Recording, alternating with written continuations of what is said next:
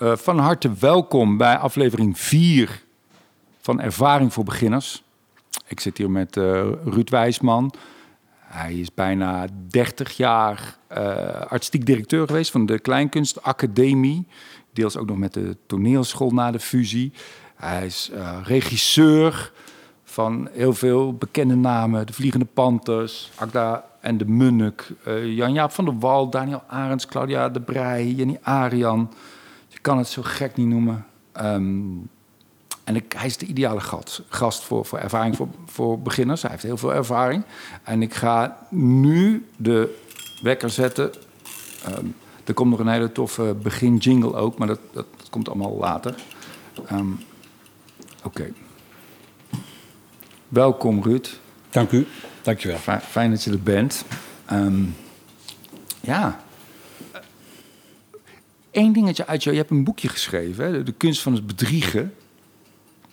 Uh, wat ik een hele mooie vond, maar ik zou het fijn vinden als je dat om te beginnen eens zou uitleggen. Jij zei een leuk spelletje uh, als je in een theatervoorstelling zit en je kijkt naar een acteur of een cabaretier, is om te bedenken of iemand een, um, een echte bouillon is of een, een magieblokje. Wat, wat, wat bedoel je daarmee? Nou, dat is wel een hele heftige openingsvraag, want dat is eigenlijk waar het over gaat helemaal. Als, als je het hebt hoe je op het toneel wil staan. Met een bouillonblokje, moet ik even kort zeggen, als wat ik bedoel met een. Met een ik bedoel, of je maakt een bouillon echt, van, ja. zoals je een goede bouillon maakt, met schenkel en met groenten. En dat laat je heel lang staan en dan kook je dat af en dan schep je dat af. En dan heeft, het een, een, heeft dat wat je als, als artiest op het toneel doet, heeft een gelaagdheid, hmm. een verdieping. Ja. Of je bent een bouillonblokje en dan is het eigenlijk meer een, een buitenkant waar je naar zit te kijken. Maar wat wel ruikt en klinkt als de echte bouillon. Snap je? En als je dat in, maar als je het proeft, proef je natuurlijk wel het verschil tussen een, een kopje van een bouillonblokje of een echt gemaakte, uh, gemaakte bouillon. En zie je dat ook al bij uh, jonge artiesten of zelfs leerlingen, of dat aan de hand is, of iemand in potentie veel talent heeft? Hoe zie je dat? Ja, dat zie je ook, dat is wat ik zelf geleerd heb, dat zie je toch soms niet echt goed meteen.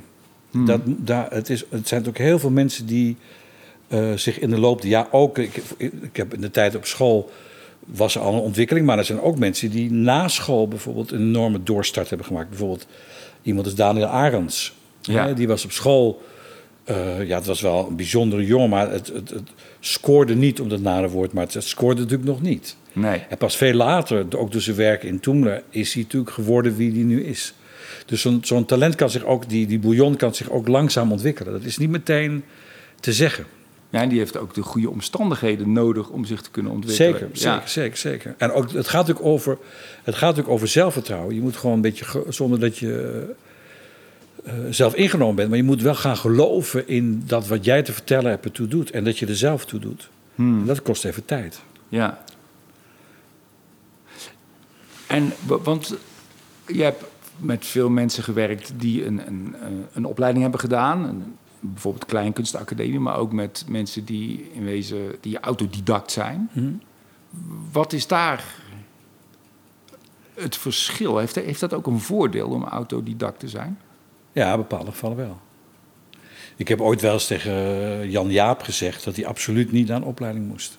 Ja. En eigenlijk ook, ik werk ook met Peter, Peter Pannenkoek. En die, die ook niet. Kijk wel wat Peter doet en wat Jan Jaap trouwens ook gedaan heeft. Je kan wel denken van, zo, van ik, in mijn geval is het belangrijk dat ik toch wat beter ga spreken. Gewoon omdat ik dan beter op het toneel sta. Ja. Of dat ik fysiek beter ben, dat ik gewoon wat bewegingstraining doe. En bijvoorbeeld iemand als Peter heeft ook behoefte aan een soort theatrale verdieping in de breedte. Gewoon meer weten van uh, toneelliteratuur en daarmee om kunnen gaan. Niet om dat te doen zelf, maar gewoon als een soort voeding voor zichzelf.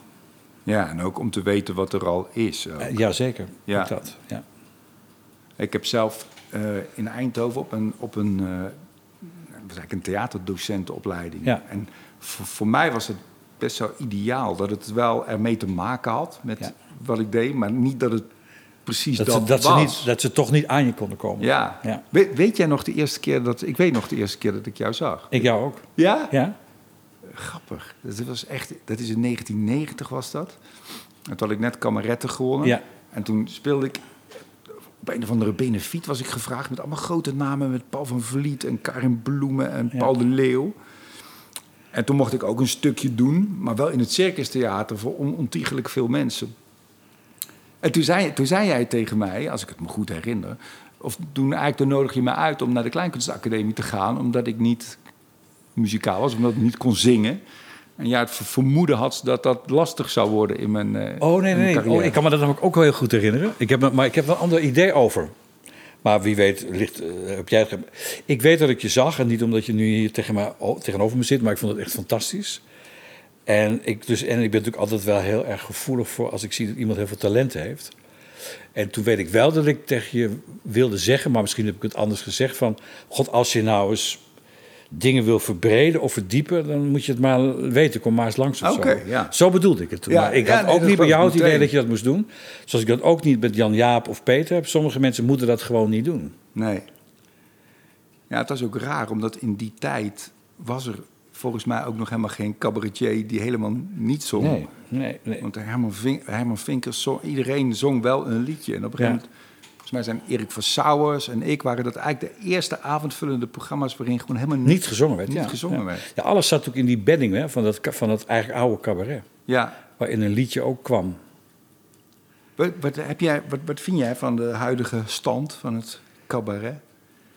Een hele algemene moeilijke vraag. Maar ben je blij met wat er gaande Nou is? ja, ik vind het is in het, in het cabaret, omdat dat is een beetje hetzelfde als in het voetballen. We hebben natuurlijk een laag eh cabaretiers die natuurlijk buitenzinnig goed is. Erboven, zeg maar. En dat hetzelfde als, je- als dat je bij Ajax hebt gehad, dat steekt toch aan. Dus de lat ligt op dit moment hoog voor, voor beginnende mensen. Ja, En dat zie ik ook wel als ik mensen zie. Aan de andere kant eh, vind ik dat van onderuit ook eh, het cabaret misschien iets meer zou moeten vernieuwen in zijn, in zijn vorm. Wat die voor, heb ik het niet over een buitenkant vorm, ik heb het over een, een, een intrinsieke vorm. En wat de dominantie natuurlijk van. van, eh, van je hebt natuurlijk zo'n zo, zo, zo'n lijn lopen die natuurlijk van Freek loopt en via jou en, en Hans Steven en misschien nu naar wat jongere generaties zoals Peter bijvoorbeeld. Die natuurlijk heel bepalend zijn in, in een kwaliteit van, van, van, eh, van het cabaret. En dat is, ook heel, dat is volgens mij ook van heel hoog niveau. Nou, ik vergeet nu heel veel mensen. Ik ben ook een enorme fan van Erik en noem maar op.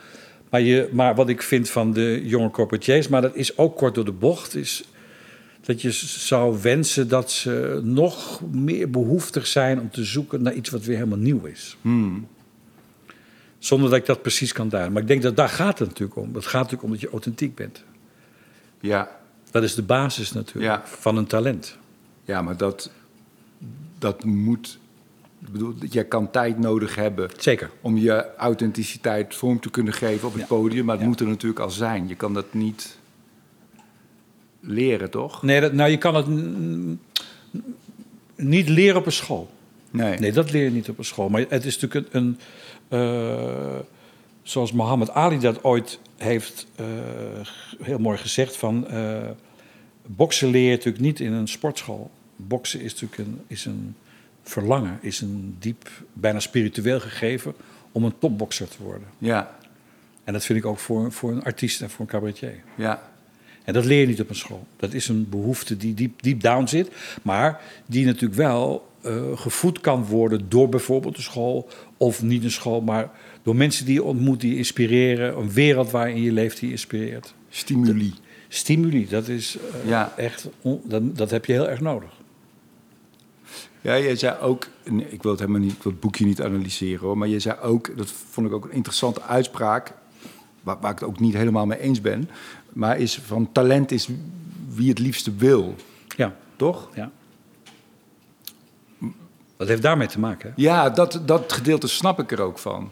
Dat, dat snap ik er ook van. Dat dat intrinsiek moet zijn, dat dat diep van binnen mo- moet zitten. Maar, maar, eh, maar dan, dat is natuurlijk een hele, echt een quote. La- Ja. Laten we dan even dieper op ingaan. Ja, Van ja. Die, wa- die wat wil.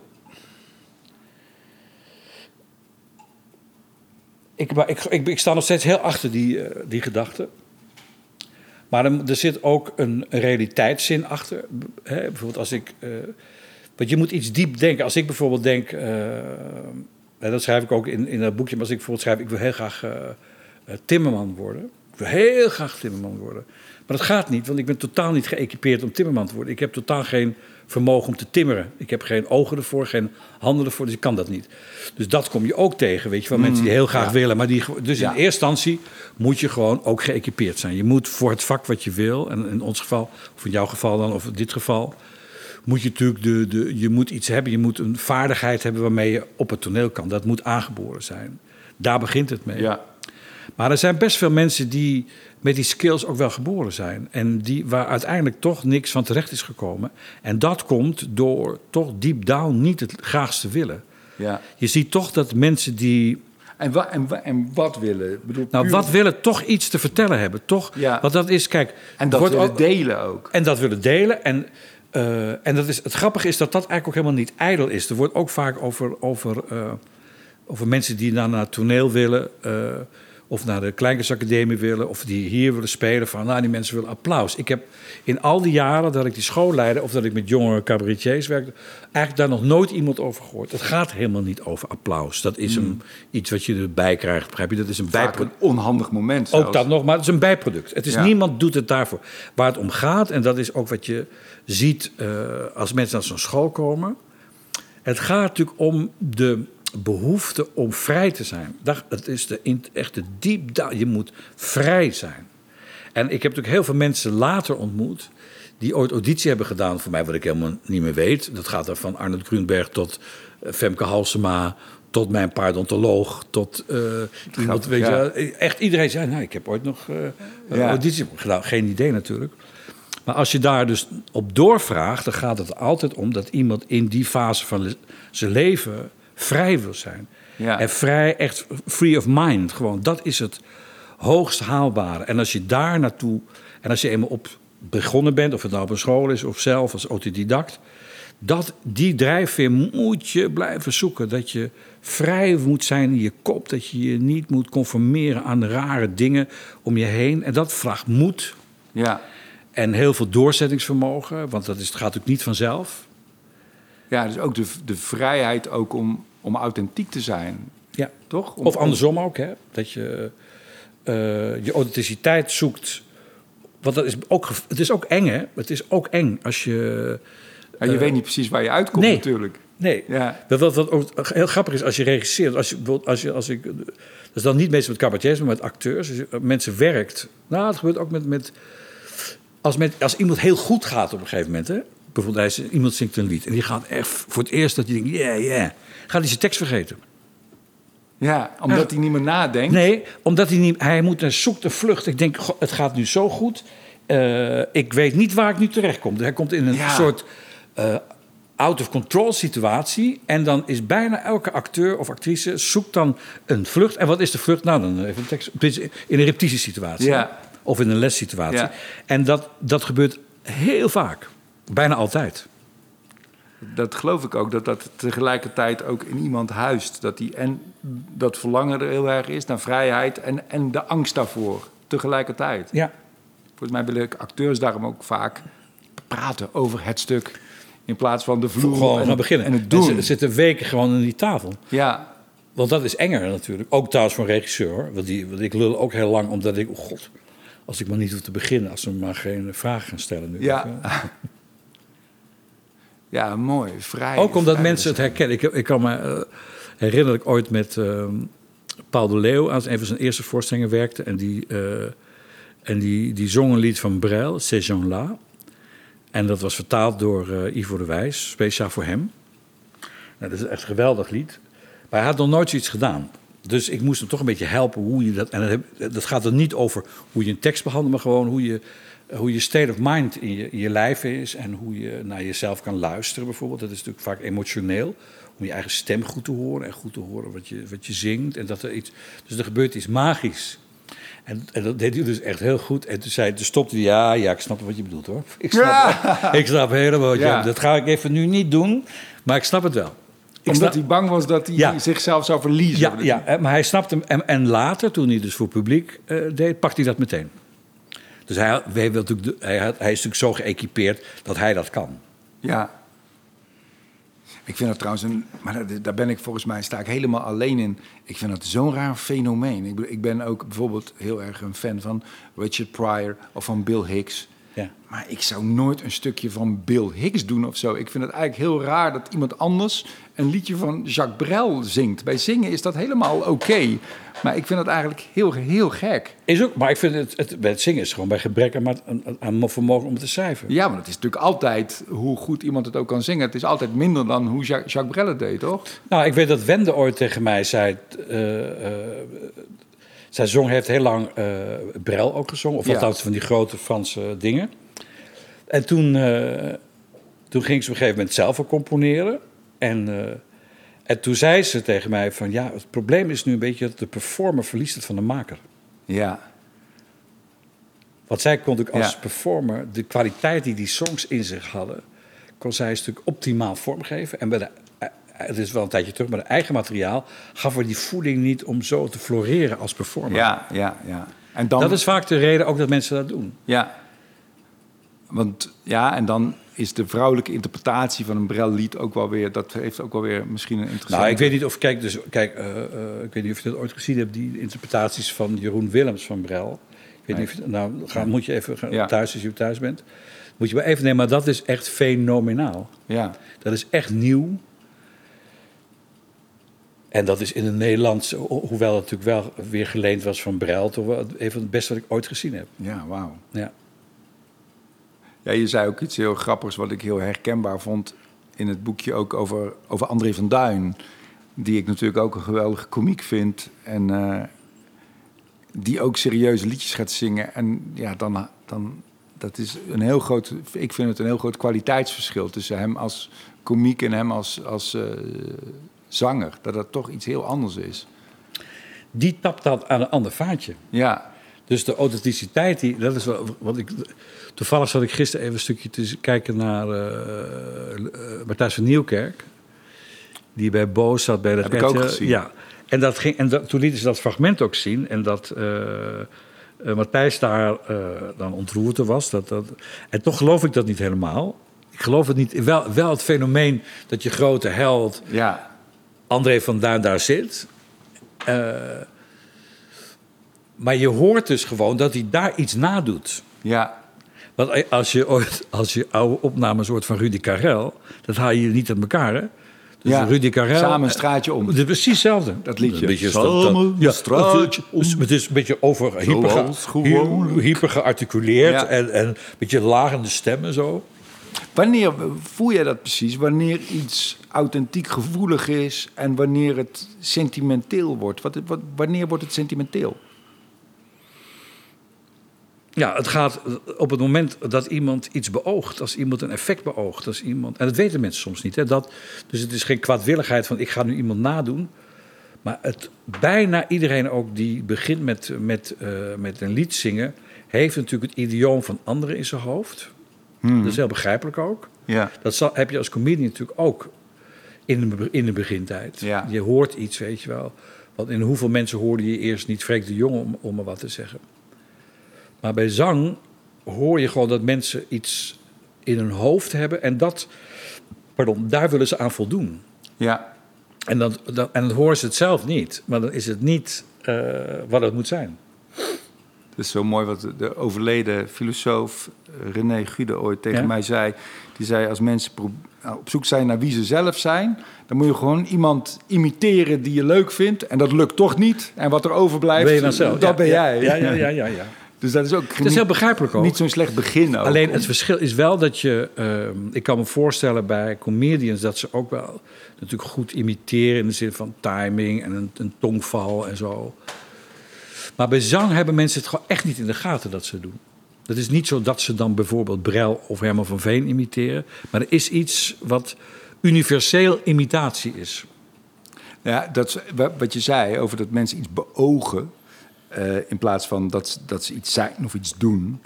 Daar staat ook weer zo'n. Ja, sorry dat ik weer over begin. is weer dat boek. Er staat zo'n prachtig voorbeeld in over dat toneelstuk. waarin die man om koffie vraagt.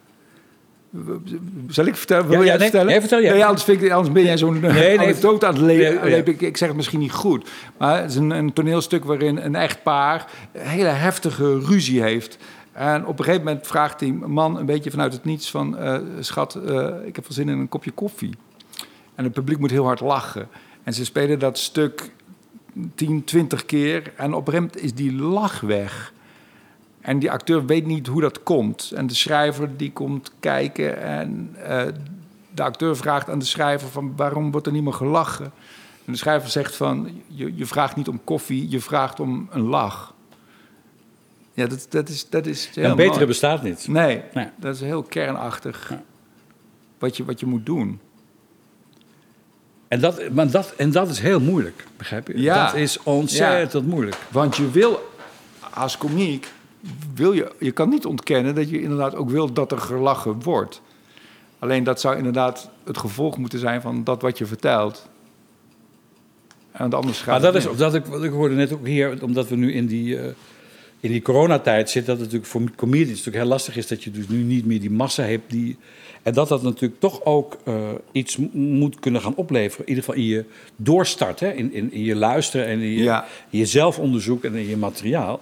Want ik vind ook vaak bij comedians, zo goed, goed ze ook zijn, ehm, dat ze natuurlijk meeliften op hun lach en eigenlijk op een gegeven moment te cheap worden voor wat ze kunnen omdat die lach lekker is, weet je wel. En Hmm. Ja. hoe eh, Ja, dus heet het een beloningje. een beloningje halen. En ook de... de eh, nou, je ziet ook vaak in een soort interactie met de zaal... dan zie ik ook wel eens dingen... denk ja, maar dat moet je... Dat is, dan, is me dan makkelijk, weet je. Voor, Ja. de, voor, de, voor, voor wie je bent, eigenlijk. Ja. Ja, je hebt het dan ook, dat is ook een term die ik uit, uit je, je, je, je boekje heb gehaald. De, de artistieke ziel eigenlijk, daar gaat het dan toch ook over? Ja, ja. En, het, en dat geweten wat daaraan vastzit. En hoe je ook de... Goed voor, wat ik ook een heel goed voorbeeld vind is, eh, is bij Toon Hermans. Ehm, ik heb dat heel erg geanalyseerd, omdat ik dat zo interessant vond. Hij heeft dus dat beroemde verhaal van, van Sinterklaas. Ja, geweldig. En dat is een geweldig verhaal. En dan zie je als hij dat doet, dat dat Sinterklaas verhaal is een gedicht. Hmm. Dat is dus de timing en hoe hij het doet. Gewoon een gedicht. Daar zit geen enkele ruis op. Daar zit geen enkele ruis op. In een zijpadje of een anticipeer op een lachje in de zaal. En voordat hij begint, dan klooit hij. Dan, dus heeft hij soort... eh, ja, wat hem uitkomt met de zaal, weet je. Dus hij gaat in op wat er in de zaal gebeurt. Dus een beetje een comedian eh, avant la lettre, wat hij dan daar doet. En op een gegeven moment, dan begint hij Sinterklaas. En als hij dan afgeleid wordt door iemand in de zaal... die lacht, dan wil hij dat niet. Dan, dan zie je hem dus die lach tegenhouden. Want die lach haalt hem uit dat ding. Uit om zo goed mogelijk dat verhaal van Sinterklaas te vertellen. Ja, Ja. dat, en dat is, vind ik, hogeschoolwerk. Begrijp je? En, Omdat en hij is het een gedicht omdat de woorden zo exact zijn? Ook omdat hij nergens koketteert met zijn succes daar. Want hij, hij krijgt natuurlijk ongelooflijke lachen op. Ja. En nergens verliest hij zich in zijn timing door die lachen. Snap je? De, de- de- wat heel veel cabaretiers doen is... Ja, hè, ik chargeer nu... Inderdaad, hè, mevrouwtje. Dat is weet je, dat, altijd die zijzinnetjes... Ja. waardoor je eigenlijk afdrijft van... De, gewoon de bal echt... Nou ja, zoals hele goede voetballers... gewoon de bal in de voet houden. Ja. En, eh, Stay in the part. Stay- Jerry Seinfeld tegen Louis C.K. Hoe, hoe heet dat, zei hij? Stay in the part. Ja. Louis C.K. vertelde dat hij niet wist wat hij moest doen als er gelachen werd. Ja. En Jerry Seinfeld zei tegen hem: stay, stay, stay in the part. Of stay, in ieder geval, blijf Ja. waar je bent. Blijf waar je bent. Want dat is ook zo goed aan die scène. Mensen moeten maar eens opzoeken, die Sinterklaas-scène van Toon Hermans, als ze hem niet kennen. Voor mij heeft het ook te maken met eh, de emotionele staat van zijn, van hoe hij daar op het podium staat. Hij is verontwaardigd. eh, over, over die, over die Sint-Niklaas. En die, die, daar geloof ik altijd heel erg in dat die emotie, dat is, een emotie is besmettelijk. Dus mensen eh, gaan mee in die, gaan mee in dat gevoel. En omdat ze met dat gevoel meegaan, zitten ze niet in hun hoofd en laten ze zich ook soms verrassen door grappen. Ja. Dat is ook wel mijn theorie over, over, over stand-up comedy. Ja. Dat, dat, dat, dat er, maar daarom moet het ook ergens over gaan. Of daar, daar, daar, daarom moet het je wat schelen. Hè, je, je, je hebt een onderwerp en wat, wat, vind je, wat vind je daarvan? Dat brengt dat bij jou teweeg. En die emotionele staat van zijn maakt dat je heel veel, ook, ook je jokes eigenlijk maskeert. Ja. En dat, ik, ja, ik, ik geloof daar heel erg Ja. in. Ja. Ik, ik bedoel, ik hou ook. Dat, bedoel, ik geloof ook. Dat, je hebt ook hele goede one-liner comedians die gordroog fantastische one-liners prediken. En dat is ook heel erg moeilijk en knap. En dat kan ik ook heel erg waarderen. Maar uh, ja, dat is wel toch hoe, hoe ik het dan een beetje doe. Ja, zo doe jij het, ja. ja. Nee, daar kleeft ook altijd een... een uh, een, een, een, bij jou kleeft altijd een grote emotie aan, alles wat je doet. Dat is je kracht, vind ik wel, als ik dat mag zeggen. dat, dat, is jouw, dat, dat, is jouw kracht. Daar heb ik het eigenlijk allemaal een beetje voor bedacht. Om allemaal complimentjes binnen te Nee, maar ik zorg ook dat ik dat gewoon binnen die 60 minuten zeg. Dat het niet buiten de orde gaat vallen straks. Ja. Nee, maar dat vind ik echt. Wat, wat en dan, heeft, dan heeft de grap ook een andere, altijd een andere dimensie. Hmm. Ja, dat is misschien ook wel. Want de grap op zich is eigenlijk, bedoel, hè, dat is... Uh, Pas op wat je zegt nou. Hè? Wat? Nee.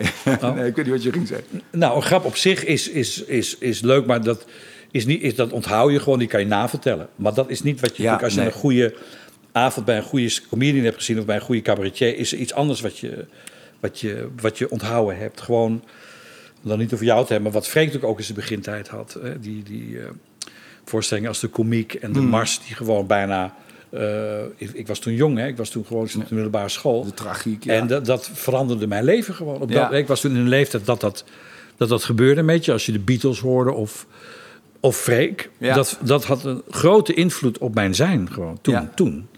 Nou, dat is natuurlijk het hoogst haalbare, denk ik, wat je als cabaretier of comedian voor elkaar kan krijgen. Dat dat zo is. Ja, dat is fantastisch. En, en, toch voelt hij zich ergens miskend, wat ook ongelooflijk is. Inderdaad, hij heeft zoveel maar daar zouden wij nu drie programma's over kunnen gaan vullen, denk ik. Zeker, ja, ja, ja. wat, wat ik ook heel interessant vind om over te bomen, om, is over, uh, over het verschil tussen de, de privépersoon en de, en de theaterpersoonlijkheid. Ja. En over de transformatie van de een naar de ander daar heb jij ook zo je, je theorieën over. En daar zat ik ook over na te denken. Toen dacht ik ook, fuck, het klopt. Omdat bijvoorbeeld hier in, in Toemler... Eh, we hebben een line-up met verschillende comedians... en we hebben een MC. En sommige mensen kunnen dat heel goed. Uh, Howard is er heel goed in. Murt Mossel. Verschillende mensen zijn er heel goed in. En ik heb het ook wel eens gedaan. En ik ben er super slecht in. En ik dacht, hoe kan dat nou? En dat heeft precies daarmee te maken. Omdat ik als MC, als presentator, heb je een specifiek soort rol. Je moet ook wat praktische informatie vertellen. Uh, je moet ook een beetje het publiek bij de hand nemen. En maar de, mijn theaterpersoonlijkheid kan, die kan geen informatie vertellen. Die wil juist zeggen, die wil juist. Die, die is anti-informatie of die is anti. Dus ik kom daar helemaal mee in de knoop. En ik sta er als een soort Jan Lul op het podium. En ik weet me, ik weet me geen raad eigenlijk. Ja. Wat ik, ook heb, wat ik ook heb als ik applaus moet ontvangen. Dan weet ik ook nooit wat ik maar dan loopt die, is hij weg. Dan is ja, de persoon weer naar huis. Ik weet niet wat eigenlijk moet ik dan bedanken. Maar ik wil daar helemaal niet zijn op dat podium. En, en als, je dat, als je die theaterpersoonlijkheid laat bedanken... dan wordt het heel theatraal. Hoe moet je, hoe moet je dan buigen? Of dan, ja, die zou misschien ook helemaal niet buigen. Nee, nee dat, is, dat is fascinerend is dat. Maar dat is, wel, dat is wat, wat je net zei, omdat het nu zo warm is hier terwijl we dit gesprek voeren en dat, dat, dat, uh, dat, je dan een korte broek aan hebt, dat je zegt van een comedian heeft geen korte broek aan. En dat heeft daarmee te maken ook. Ja. Want dan, zit, ja, dan is hij, uh, ja, is hij thuis. Dat is een ja. ander, ander, ding. Ik heb dat ook wel eens. Uh, dat volgens, ik weet niet zeker, of dat, volgens mij staat het er ook in dat ik dat meemaakte met toen ik Acte de Munnik regisseerde. En die. Um, nou, dat, is echt, dat is echt fascinerend hoor die, die maakte cabaretprogramma's, maar die waren inmiddels natuurlijk heel uh, bekend met die liedjes geworden. Dus dat was een contradictie een beetje, begrijp je? Mm. Eigenlijk kwamen die mensen alleen voor die liedjes, dat gezeik met het cabaret, dat hoefde ze niet. En dan begonnen we die voorstelling en die zaal had er geen zin in. En uh, toen bedachten we een voorgift. Dus, uh, dus het publiek binnenkwam, zaten ze al te spelen. Voor het podium, ja. beetje zo half hangend, akoestisch. Die hitjes. Ja. Maar dat onderging die mensen ook. Dus de hitjes die ze zo graag willen, dat ontging ze. Begrijp je? Dus er zaten gewoon al die naar huis en al die liedjes, al die grote hits. En mensen zaten mm, alsof er gewoon een bandje op stond. Ja. Het was ook zo, ik kan me nog één keer heel goed herinneren dat Thomas hing zo tegen een podiumrand. En dat iemand hem opzij duwde, zo van ik moet naar mijn stoel. Weet je wat, totaal niet. En toen, uh, toen begon het. En uh, de voorstelling begon. En toen ging dus het zaallicht uit. En toen stopten ze met dat spelen. En toen zei uh, Thomas, dames en heren, hartelijk welkom. Uh, dit is Paul de Munnik. Mijn naam is Thomas Akda. Goedenavond. Groot applaus. Toen begon het. Ja, En toen waren zij ook opeens ook iemand anders. ja. Begrijp je toen, wat even het verlengde daarvan. Ik kan me ook herinneren dat ze een keer carré speelden, dat we voor het doek stonden te wachten. Eh stonden ze een beetje te klooien. Weet de tijd dat je nog rookte op het toneel. En dan stonden ze een beetje te wachten. En toen op een gegeven moment moesten ze voor het doek beginnen. En ik was even met ze mee op het toneel. En die toneelmeester deed het doek open en dan liepen ze het voortoneel op, dus naar de zaal. En toen zag ik gewoon dat op dat moment zelfs hun eigen kinderen hun niet zouden herkennen. Terwijl er niks gebeurde. ja. Daar gaat er iets aan of zo. Dan, dan, dat vind ik eh, zo fascinerend. Is het een soort hyperfocus die ontstaat? Hyperfocus, ja. Want, eh, want volgens mij ehm, kan jouw personage ook niet pissen. Nou, niet zoals ik het doe in ieder geval. Zeker niet zittend in ieder geval. Nee, nee, maar ik bedoel, stel nou eh, dat je op het toneel staat en je moet plassen. Ja, Dan, is dat, dan doorbreekt dat. Het is ook wat, bijvoorbeeld als je, als je toneel speelt, dan kan je natuurlijk in je rol eh, heel erg verliefd zijn op iemand. Hè? Dus de Ja. als personage Ja. heel erg verliefd zijn. Maar op het moment dat je gaat tongen, dan doorbreek je het. ja. Dan, dan is het niet meer waar. Dan is de transformatie weg. Omdat het fysiek te echt is. Of waarom? Omdat het, omdat het dan iets is wat uit die. Dus hetzelfde wat jij zegt als je moet presenteren. en dat je niet goed bent in informatie geven. Zo, want dan, kom, dan moet. Ja, Theo Maassen privé dat Ja, doen. ja. En als je met iemand eh tongzoent, dan word je privé. Ja, Dan zit je niet meer in, de, in, de, in de, die eigen gecreëerde illusie ook. Dan komt die gewoon binnen. het is grappig dat een tijdje geleden kwam eh, Nabil, is ook een eh, comedian. Die kwam bij mij thuis en die kwam rond etenstijd thuis. Dus, en hij was nog nooit bij mij geweest. En liep zo achterom en ik zat gewoon met mijn vrouw en kinderen te eten. En hij kwam binnen en hij zegt, wat is dit? Je bent, je bent gewoon een bedrieger. Ik dacht dat je in een kraakpand zou wonen. En, eh, en het was gewoon een heel huiselijk tafereeltje eh, van een burgerlijke man... die daar met zijn Ja. gezinnetje maaltijd naar binnen aan het werken was. Hoe, als, als er nu... Ook mag zeggen, wat daar ook een geweldig voorbeeld van is, een van de mooiste, is Harry Banning. Ja, Ik weet niet of je wel, Ja. nou, ik weet niet of je hem nog wel eens ontmoet hebt. nee. Maar hij was dus echt een hele keurige meneer. Weet je, die je dus verwacht als boekhouder of accountant waar je naartoe gaat. En zo gedroeg je zich ook. Maar als hij componeerde, was het natuurlijk een, een, een krankzinnige man. Dat waren twee verschillende mensen. En aan die piano, dus tot hij aan die, aan die piano ging zitten, was hij die boekhouder. En dan zei die man een oeuvre wat in Nederland nog nooit iemand Ja, geschreven heeft. Ja. Vergelijkbaar met Sondheim en noem maar op. ja. Is dat, is dat belangrijk wat je doet als je met jonge mensen werkt die graag willen, die op zo'n opleiding komen, om hun te helpen bij die zoektocht naar wat en wie die theaterpersoonlijkheid is, of wat Ja. er theatraal interessant aan jou is? Ja, dat is eigenlijk wat ik het ook het, eh, het leukste vind en ook het interessantste vind. Hoe iemand, je zei, sorry, eigenlijk een soort startmotor die je aanzet en opeens. Je bent natuurlijk, je bent natuurlijk jezelf. Ik bedoel, Ja. eh, de artiest Theo Maas is Theo Maas is hetzelfde DNA, dezelfde stem, dezelfde huid. Dus er zit geen verschil tussen. Maar er is iets wat zich focust op die stilering van hemzelf. Ja. Je haalt een kracht naar boven van jezelf. Die, een, de- een gedeelte van die kracht eh, van je dingen doe je natuurlijk weg, want die heb je daar niet nodig. ja. Ge- hè?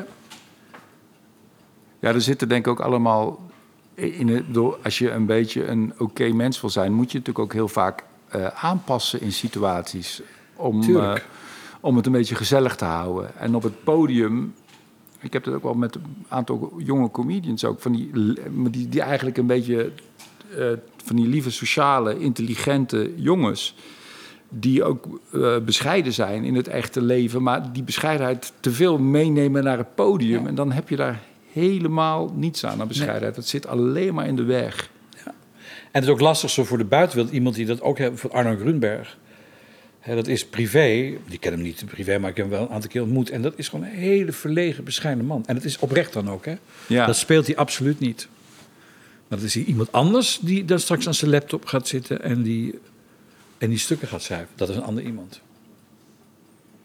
Jerry Seinfeld die gebruikt de metafoor van eh, eh, een pa- een paard. Dat, dat talent een, een paard is, een best een wild paard, wat je ook moet leren bereiden... waar je ook van afgeflikkerd kan worden. Zeker. Zeker.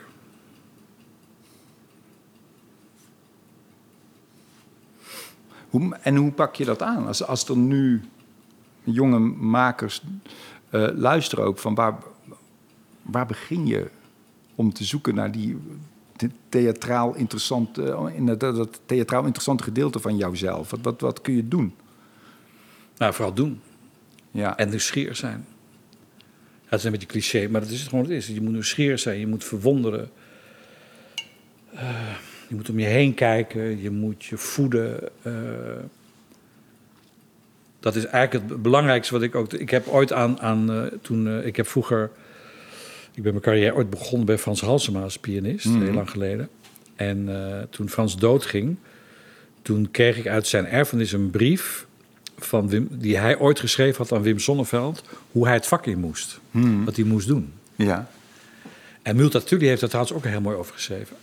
Maar in ieder geval, eh, Wim Sonneveld, ik heb die brief dus, die, die schrijft dan aan Frans Halsema dat het vooral belangrijk is dat hij eh, goed leert spreken, want dat was natuurlijk heel in die tijd. Ja. Dus, en hij wist ook een goede spraakleraar, meneer Jaap Hoogstra. Maar dat het vooral belangrijk was dat hij zich cultureel ging onderleggen. Dus dat hij naar musea ging, zou gaan, dat hij theatervoorstelling, maar niet alleen maar van cabaret, maar ook van toneel en ook van ballet en ook van opera. En dat hij zich zo in culturele zin zo breed mogelijk zou ontwikkelen. Dat, en maatschappelijk. Dat schreef Wim Sonneveld, geloof ik, in 1953 aan, eh aan Van Salsema. Nou, ik denk, maar ik denk dat er nog meer bij komt. Kijk, ik denk dat het helemaal waar is. Maar ik ben ook blij dat ik eh, ook op sportscholen kom en met mensen klets. En dat je niet alleen maar high culture invloeden krijgt, maar Tuurlijk. Van alles. Maar Zo- natuurlijk. Zoveel mogelijk. Maar natuurlijk. Ja, Tuurlijk, tuurlijk. want ik denk ook dat voor kunstenaars, nou ja, en, en zeker voor de sprekende kunstenaars en de, en de cabaretiers, best in een ingewikkelde tijd leven ook, waarin ook eh, het, het amorele ook eh, het taboe is. Ingewikkeld, hè? Ja, Eh, Echt ingewikkeld.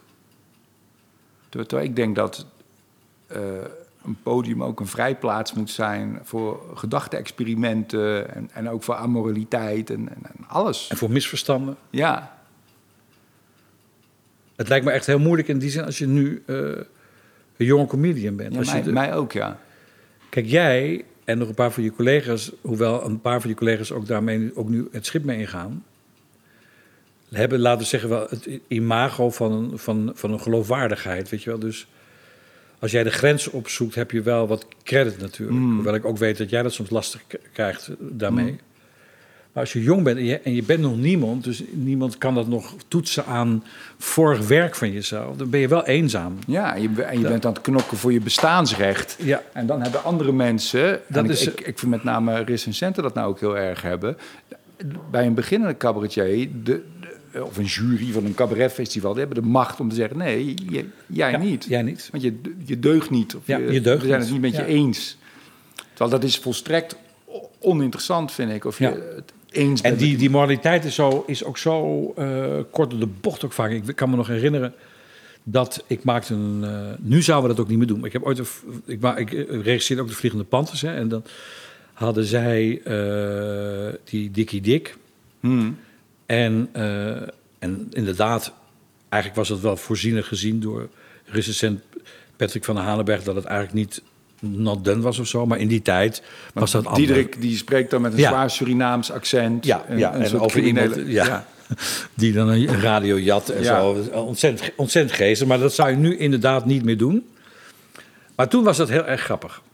En, eh, en, de- en die, die programma's waren ook heel succesvol en die kregen ook goede recensies. Behalve toen in de Volkskrant van eh, Patrick van der Hanenberg, die schreef het helemaal weg. Maar dat kwam door die act. Ja. Die dat dus afschuwelijk vond dat ze dat deden. Dat wist ik helemaal niet. Ja. Ja, En toen, het programma daarna, eh, toen was er een, eh, een programma, dan weet ik niet meer, meer wat het was. En dan hadden ze ook een of andere ontzettende schore grap of zo. En toen zei ik, laten we die nou niet doen bij de, niet doen bij de première. We Ja. houden, houden die grap bij de première gewoon niet. En toen kregen ze ook inderdaad van, van alle kranten, inclusief de Volkskrant van Hanenberg, fantastische kritieken. En pas na de nou, nu doen we weer terug. Omdat je weet... Lafjes, beetje lafjes, Rut. Ongelooflijk laf. Ja. Ongelooflijk laf. Ja. Nee, maar ook laf, omdat... Nee, ik vind het afschuwelijk laf achteraf gezien.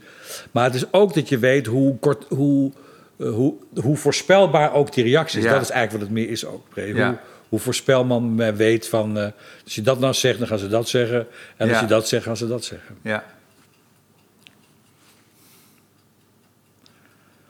Maar goed, het is, het is voor, voor echt waar. Ik kan me heel goed voorstellen als je nu jong bent. En, eh, en zeker ook wat er nu natuurlijk gebeurt eh, in, in het theatervak. Dat die hele boel in elkaar sodemietert door die, door die crisis. Van hoe je nog je plekken vindt om rustig te kunnen gaan spelen. Om jezelf te ontwikkelen. Om, eh, en, en wat ik dus net zei ook hè, over dat comedians of cabaretiers moeten nieuwe vormen vinden. Dat is wel, een- dit vind ik wel belangrijk echt om, om even te zeggen Ja. dat jonge comedians en jonge cabaretiers die zoeken naar een nieuwe vorm, wordt eigenlijk vaak niet in dank afgenomen. Hmm.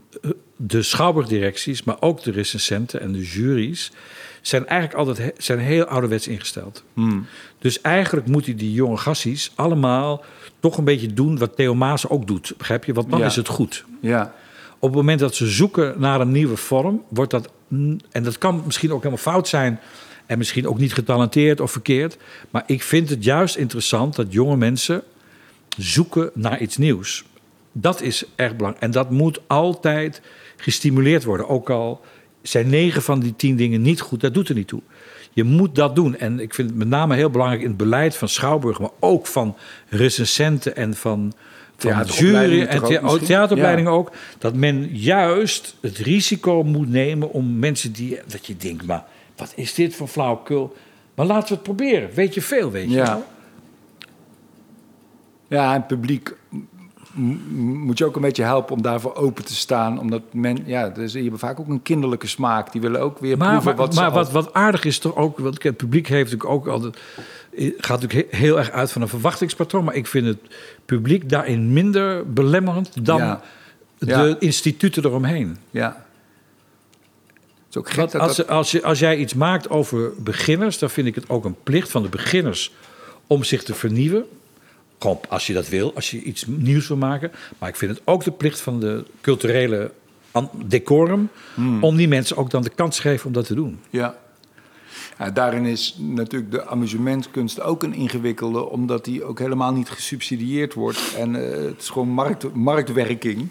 En waar willen mensen een kaartje verkopen of niet? Het zou, dat zou misschien ook heel erg helpen als daar wel subsidie voor is, voor wat je nu schetst. Nou, of, of je had vroeger natuurlijk, misschien eh, heb je, je had vroeger ook wel schouwburgdirecteuren die dat toch deden. Je had bijvoorbeeld zo'n man in Drachten, Roel Ooster heette hij. En hij zat er maar in Drachten. En hij was iemand die echt jonge, beginnende cabaretiers... die heel raar waren en die nog niks waren... de kans gaf om daar te spelen. Ja. En dan ging hij pal voor staan en hield Ja. zelfs een toespraak voor het publiek. En dan zei hij, ja, het is niet wat u verwacht. Het is heel anders, maar het is echt de moeite waard. Ja, leuk. Dat was fantastisch. Ben jij nog, jij bent, klopt het dat jij 65 bent? Ja. Je bent 65. Heb jij het idee dat jij nog, ben jij je nog aan het ontwikkelen? Ben jij nog dingen aan het leren of ben je, ben je af? Ik ben... eh, nee man, ik ben totaal niet af. echt helemaal niet. Ik kom echt tijd tekort.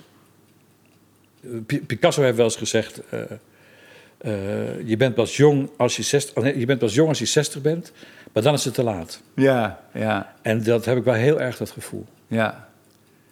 Je gaat toch, als je wat ouder wordt, ook. ehm, ook ja, ik. Nou ja, goed, wat, wat- het is eigenlijk wat, wat ik zeg. Nu weet ik dingen. En ik denk, Jezus, met deze dingen die ik nu weet, had ik gewoon 35 moeten zijn, man. ja. Moet je eens kijken wat er dan. eh, en ik ben gelukkig in, in goede doen. Maar ik weet ook, niet. Ik weet ook dat ik nog geen 30 jaar meer door kan, begrijp je? Nee. Dat, dat is onzin. Dat gaat helemaal niet gebeuren. Dus als ik nog. ehm, nou, als ik een beetje positief. Als ik op de kracht waar ik nu in zit nog vijf hele goede jaren heb. Hè, Ja. Want dan ben ik 70, nou dan ben ik spekkoper. ja. Dus dat wil ik ook wel echt proberen. Maar juist ook om, om, om, eh, om, om te leren. Om achter dingen te komen. Zowel maatschappelijk als bij mezelf. Als kunstzinnig. Wat, en wat, kun je het concreet verwoorden van wat je dan nu weet, wat je niet wist toen je 35 was, wat je, wat je geleerd hebt? Ik heb het nog steeds een beetje wel over in, in de ar- artistieke hoek. Nou, de, de, de, de, het vertrouwen Dat, je- dat ik nu een vertrouwen heb eh, als ik regisseer, nou, dat is nu wat, het, hè, wat ik nu doe. Dat ik een vertrouwen heb eh, en dat eh, ik, ik daar op dat vertrouwen dingen doe die ik vroeger dus niet deed. Omdat ik blijk, waarschijnlijk dat vertrouwen niet had. In je intuïtie? Ja, in mijn intuïtie. Dat ik, dat, en dat ik dan blijkt op een gegeven moment dat ik eigenlijk altijd raak schiet in nu pas. Hè. Tenminste, nu, nu, nu durf ik eigenlijk volledig te gaan in mijn intuïtie. En merk ik, dat is ook raar, dat ik, voor zover dat bestaat, nu ook veel succesvoller, en dan heb ik het niet over er- ervolk, maar gewoon voor jezelf, hè, eh, veel beter ben dan vroeger. Ik vind mezelf nu een veel betere regisseur en een veel betere theaterman dan 30 jaar geleden. Terwijl het meeste andersom is. Ja. Ik kijk ook anders naar dingen en ik. eh, eh, heb ook. mm, ik heb altijd wel geduld gehad als, als pedagoog, zeg maar. Maar ik ben wel nieuwsgieriger ook dan vroeger. En ik kan ook beter doorzien dat ik het niet doorzie. Weet je wel? Dat ik denk, dit weet ik niet. Hoe zit dat nou? Dat is wel een grote rijkdom. Het Ja. niet weten.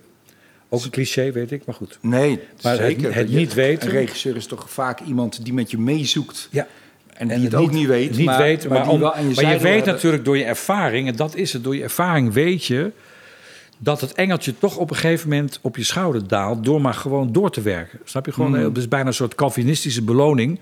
Als ik maar door blijf denken en door blijf Ja. gaan, dan op een gegeven moment dan komt hij wel. Hij komt Ja. ook altijd wel. Ja, en zelfs het niet weten kun je uiteindelijk... Daar kun je Kan je vorm ook, voor vorm, vinden. kan je ook vormgeven. Ja, Dus dat is, vind ik wel een, een, een hoop voor. Ik ben- ben nu eh, toevallig.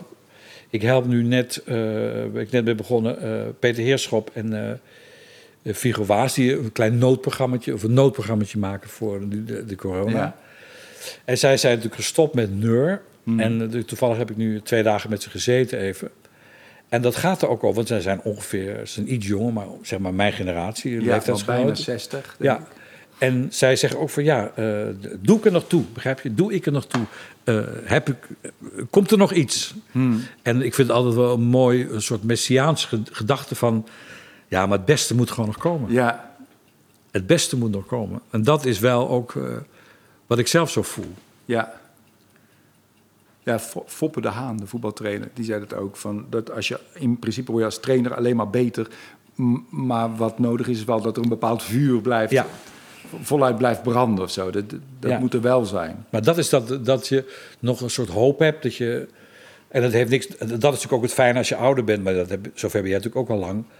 Dat dat succes er eigenlijk geen reet meer toe doet. Het gaat gewoon dat je zelf gewoon natuurlijk enorm in beweging blijft. Ja.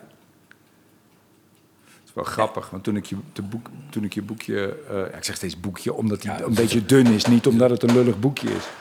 Eh, eh, want ik vond dat er heel veel interessante dingen in stonden. En ook dingen waar ik echt met mijn hoofd niet bij kon. Waarvan ik steeds dacht, ja, maar dat doe je toch gewoon op intuïtie. Ja. Maar in een boekje ga je het natuurlijk heel systematisch opschrijven. Maar al die stappen die jij maakt, die vijf stappen van concentratie. Ja, in detail dacht, dacht ik, ja, maar je gaat. Hè, bijvoorbeeld met eh, eh, engagement. Als het goed is, hoef je daar natuurlijk niet over na te denken. Je bent geëngageerd of je bent Zeker. of je, bent je bent het niet. En, en ik geloof ook wel heel erg dat, dat wat je verzint, dat hoeft niet allemaal goed te zijn, maar dat heeft blijkbaar een soort van bestaansrecht. Of daar, dat is blijkbaar waar je het over wil hebben. En uiteindelijk, nou ja, dat is meer hoe ik werk. En uiteindelijk blijken al die dingen wel iets met elkaar te maken te hebben. Het voelt voor mij juist heel artificieel om dat puntsgewijs te Maar gaan. eigen, ja, nee, dat begrijp ik natuurlijk. Dat is in zo'n boekje zeker, is dat artificieel. Ja, Maar dat heeft. Maar als je het nou bijvoorbeeld over engagement wil, dat. Kijk, ik geloof helemaal niet in engagement in die zin. Ik geloof alleen maar dat je, dat je engagement, maar dat kan je ook kunstzinnig ontwikkelen, is natuurlijk daar waar je je binnenwereld, dus wie jij bent, botst met de buitenwereld. ja, Da- daar begint het engagement. ja, ja, daar is conflict. Daar, Daar zit het ja. conflict. En Ja. dat kan natuurlijk dat kan in verschillende stadia van je leven. Vertaalt dat zich op een andere. Kijk, als je jong bent, is dat misschien alleen maar je eigen eh, liefdesleven of zo. Maar als je, en als je ouder wordt, dan wordt het misschien een politiek ding. Of begrijp je, maar je, in de gedrevenheid van, van politici. eh, waarvan ik echt denk dat het, dat het echt gaat om, om Dat dus, op het conflict van wat ze eigenlijk vinden, hoe, de, hoe ze van binnen voelen hoe de wereld moet zijn, maar hoe die is en godverdomme, en hoe verhoud ik me daartoe? Ja. Dat daar het conflict zit. Maar over het algemeen, ook bij politici, is dat be- be- be- bedachte fatsoensrakkerij. Ja. Politiek correcte onzin. Maar, maar, dat- maar dus dat heb ik me in dat boekje proberen te duiden. Dat je, dat je natuurlijk begint vanuit. eh, je- kijk, mensen die een, een, een programma gaan maken omdat ze iets eh, willen leren aan de maatschappij, dat is natuurlijk gewoon afschuwelijk. Nee, nee. Dat bestaat ook bijna niet. Nee, maar dat, doe je, dat gebeurt ook nooit. Nee. Dat is echt, echt, echt flauwekul. Maar dat, dat duiden van die, die, eh, die concentratielagen is zo, zo academisch is dat, is dat, eh, is dat niet. Als, ik, als ik jou ooit geregisseerd zou hebben, dan zou ik denken, nou, bij jou eh, ligt de kracht natuurlijk in eerste instantie, denk ik, hè, voor zover ik dat mag aanmateren, in de emotionele kracht. Daar begint het. Ja, Dat is, dat is de bron van de veel- frustratie. ja, nee, de emotionele Ja. kracht is Ja. de. eh, En van daaruit komt het vermogen dat je kan stileren. En dat je Ja. met tekst om kan gaan. En dat je kan faceren. En dat je kan timen. En dat je met het publiek kan omgaan. Terwijl Paul de Leeuw, om even een andere kant te nemen. Er is totaal geen waardeoordeel. Die begint echt daar. Die begint alleen maar daar. Die begint aan die buitenkant. En je zet Paul maar op een toneel. En dan kan hij meteen met het publiek. Dan, dan loopt dat meteen. Dat loopt meteen. Ja. En pas dan zakt het naar binnen. Maar dan, vanuit die redenatie kan succes ook wel fnuikend zijn. Omdat eh, op het moment dat, eh, dat je leven weldadig wordt... en dat je daarin gaat, eh, dat je comfortabel wordt met jezelf en de wereld... dan zou er wel eens veel minder conflict kunnen komen tussen die binnenwereld en buitenwereld. En wat is er dan nog? Nou, je hoopt maar dat het niet gebeurt. Dat dat, die, dat, dat welzijn, dat is natuurlijk prettig, maar dat dat niet de kracht... Kijk, ik kan me wel voorstellen dat iemand die jonger is... natuurlijk vanuit een ander soort anarchie dat doet. Omdat als je ouder wordt, je iets meer begrip hebt... iets, iets milder wordt, iets, eh, iets meer erbarmen hebt. Dan moet je het niet hebben als je jong bent. Dan moet je Nee. gewoon met een gestrekt been in. Ja. Zo hoort dat ook. En dat hoort niet bij iemand van, van mijn leeftijd meer. Dat is ook zielig, als je dat doet. Maar ik denk dat, ik hoop wel nou, dat de, de mensen die goed zijn, blijven toch tot het laatst. Eh, dat, ja, je kan natuurlijk van die, van die oude vreemde jongens zeggen wat je wil. Ja, maar die heeft, dat, denken ook. Ja, die heeft, dat, toch. Ja. Ik bedoel, je kan lullen wat je wil. Ja. En dat kan verongelijk zijn over zijn succes. Maar hij is iemand die altijd daarop door blijft gaan. En dat kan misschien voor de omweld wel eens vervelend zijn. Maar het is ook bewonderenswaardig. Ja. Nou, wat er irritant aan is, denk ik, is wat, wat je net ook benoemde, dat hij, dat hij wel iets wil leren ook. Dat hij Ja. zichzelf wat dat betreft iets boven het publiek plaatst en denkt dat hij beter weet. Dat is het dat irritante eraan. Ja. Ja. dat is heel Calvinistisch natuurlijk. En, en, en, en daarin is hij natuurlijk, blijft hij natuurlijk een dominee. Maar het is, ik vind het wel geweldig dat iemand nog steeds die woede heeft en, die, en boos is. En. En, en dat durft ook. Hè? Ja. Dat hij, hij durft dingen die heel veel mensen dus niet durven. Gewoon Ja. nog steeds.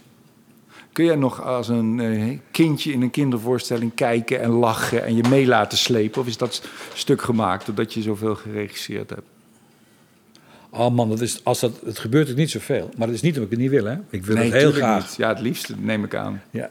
Ik, daarom ga ik liever naar de film. Want van film weet ik niks. Ja, Dus bij, bij film ben ik echt uit, weet je wel. ja. Gewoon eh, popcorn en dan eh colaatje en dan gewoon. Ja. Dat vind ik echt het aller, allerleukste. Niet oordelen, maar... nee, ja. ik, weet, ik vind het bijna altijd goed op een film. Weet je wel, dat vind ik... En als je veel gezien hebt, dan... Nou, met name die, waar die onwaarachtigheid zit. Dat heb je natuurlijk meteen in de gaten. Wanneer iets niet, niet oprecht gemaakt is, eh, dan, dan... Maar ja, soms zie ik dingen die ik dan toch ook weer fabelachtig goed vind. Ja, en soms is het ook zo dat vakmanschap is ook een ding. Eh, ik, ik geloof ook in eh, fabuleus effectbejag. Dat kan heel goed werken. Heb je het wel eens gezien dan? Dat ben ik... Ja, ik denk heel vaak. Ik denk dat, dat ik daar vaak naar zit te kijken. maar kijk, noem eens wat dan. Daar zit... Ja, concreto, we- weet ik het niet, maar volgens mij in elke theatervoorstelling of in elke film. Ja, waarachtigheid. Ja. Het is ook een moeilijk woord natuurlijk. Ja, nee, maar de- de- nee. Ik Je, je, je boek je Jawel. heet de kunst van het bedriegen. Ja, nee, daar gaat het over. Ja. Maar in de, in de uiting is het waarachtig. Toch? Nou, maar ik bedoel, waar, waar snap kwam- je nee, wat je maar- bedoelt, Ja, maar ik kijk, die, waar die titel vandaan komt, dat is een, een, een eigenlijk ook de zin van eh Brel, die ooit in een interview heeft eh, gezegd, aan het eind van zijn carrière, toen hij, toen hij aangaf dat hij ermee ging stoppen, toen zei hij, moi je suis een tricheur enorm, immens. Een tricheur, dus een, een enorme bedrieger. Ja. En dat kwam eh, omdat hij zichzelf van binnen zo goed kon organiseren als hij zong, dat alles authentiek was en toch scoorde hij. Ja. Maar hij ging niet zoals René Vroger of dat soort mensen op zoek naar het effect. Ja. Nee, hij liet dat effect gewoon iedere keer ontstaan. Ja. Zonder dat hij eigenlijk wist dat hij kwam. Maar hij was natuurlijk zo goed in zichzelf organiseren van binnen. Dat die blik of even opzij kijken. Dat dat precies altijd goed was. Omdat het vanuit een waarachtige Ja. art- artistiek impuls kwam. Ja. En dat vind ik wat anders. Ja, dat snap ik. Dat dat je denkt van ik kijk nu naar links. Want dan komt een spotje. En zo. Ja. Dat zie je meteen. Dan denk je rot op zeg. Ja. Rot op. Maar René Vroos is ook niet een hele goede bedrieger ook. Het is een Dat slechte, is ook- een slechte bedrieger. Ook nog eens een hele... ja, je hebt wel wat betere bedriegers ook. En die ga ik niet noemen ook nu. Ja. En Fra- Frans Halsema is jouw... Je schreef dat het jouw leermeester is ook, hè? Nou, meer, meer mijn... Ja, god, god, jongen. Ik was toen ik bij hem begon, was ik eh, een twintig of zo. En hij was natuurlijk heel jong. Maar voor mij was hij natuurlijk een oude kerel. Hij was tegen de veertig. Ja. Dus, en hij was heel beroemd in die tijd, hè? Ja, ik Samen- ken het ook met Geert Koks. Met Gerrit Kok samen. Dat was, ja, zij waren echt... eh, Geen ja, geen nee, ja, raden zij maar. waren de Theo Maas en Hans Steven van die tijd zo'n beetje. Ze waren Ja. echt gigantisch populair. Het was niet aan te slepen. Ze zaten alle televisieprogramma's. En, eh, en zij hadden ook een, programma, dat is ook zo grappig. Ze hadden een programma gewoon in Klein Bellevue. Hè? Dus Geert en Frans stonden gewoon twee jaar in Klein Bellevue. Zo. Ja, die ging, die ging pas op het allerlaatst. Gingen ze op tour. Gingen ze, gingen ze het En land in. waarom deden ze dat? Om Ja, het dat- goed te slijpen? Nee, maar dat was gewoon, zo was het gewoon in die tijd. Dus, dus, en, zij, en het rare was dat zij ook van die voorstellingen in Bellevue... reden ze ook gewoon aan een grote auto. En hadden ze ook een grote boerderij buiten de stad. Dus hoe, hoe dat Maar ging... dat zijn 150 mensen Ja, of zo ik die weet daar niet. zitten. Dat was de andere tijd. Ja. Want toen ik, bij, toen ik met Frans ging werken, dat was dus na Geert... toen hij heel, heel beroemd was... toen hebben wij ook eh, twee jaar, tweeënhalf jaar in, in Klein Bellevue eh, gestaan. Alleen dat liep niet. Toen was het over. Had jij terugkijkend, had jij zelf graag, eh, als, je, als, je, het over zou mogen doen en je had de kans gehad, had je zelf dan graag een succesvol cabaretier willen worden? Nou, dat had ik natuurlijk willen worden. Ja. Maar dat ben, heb ik niet gedaan. Omdat ik... eh, nou, er waren eigenlijk twee momenten. Dat is wel goed voor beginners om... eh, om, eh, om, eh, om, om eens te horen hoe je op een gegeven moment tot dat inzicht komt ook. Hè, van, eh, ja. Ik weet, eh, ik, waar ik, ik speelde met Frans en we waren op een gegeven moment op tour. En eh, ik was er eerder in het theater en ik ging eh, piano spelen, inspelen. En ik ging daarbij ook zingen. Want ik zong ook een beetje tweede stemmen niet voor ze, maar ik ging, een beetje, ik ging mijn eigen liedjes zingen. En toen was er een geluidstechnicus, Ruud Brandenburg, vergeet zijn naam dus ook nooit meer.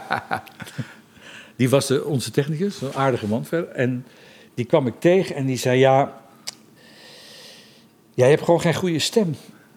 Je hebt gewoon geen goede stem. Er zit gewoon geen goede, geen goede dictie op. Er zit, dat is gewoon niet bijzonder genoeg. Ik denk toch niet dat je moet denken. eh, en toen dacht ik, Zo. toen dacht ik, je hebt gelijk. Ik, dat zei ik niet. Nee. En dat dacht ik niet echt. Maar deep down dacht ik, ah, er zit wel een, een, een kerntje van waarheid in. Ja. La, en toen ben ik dat vergeten. En toen heb ik later ook nog in een eh, eh, musical gespeeld. Samen met Jasperine de Jong en Gerard Cox. En eh, daar had ik best een grote rol. Een grote bijrol naast Gerard Cox en, en Jasperine. Dat was ik 27. En ik weet heel goed dat, dat dat ging over de actrice Fine Lamar. Hmm. En die wa- had, was, had, was getrouwd met een aannemer.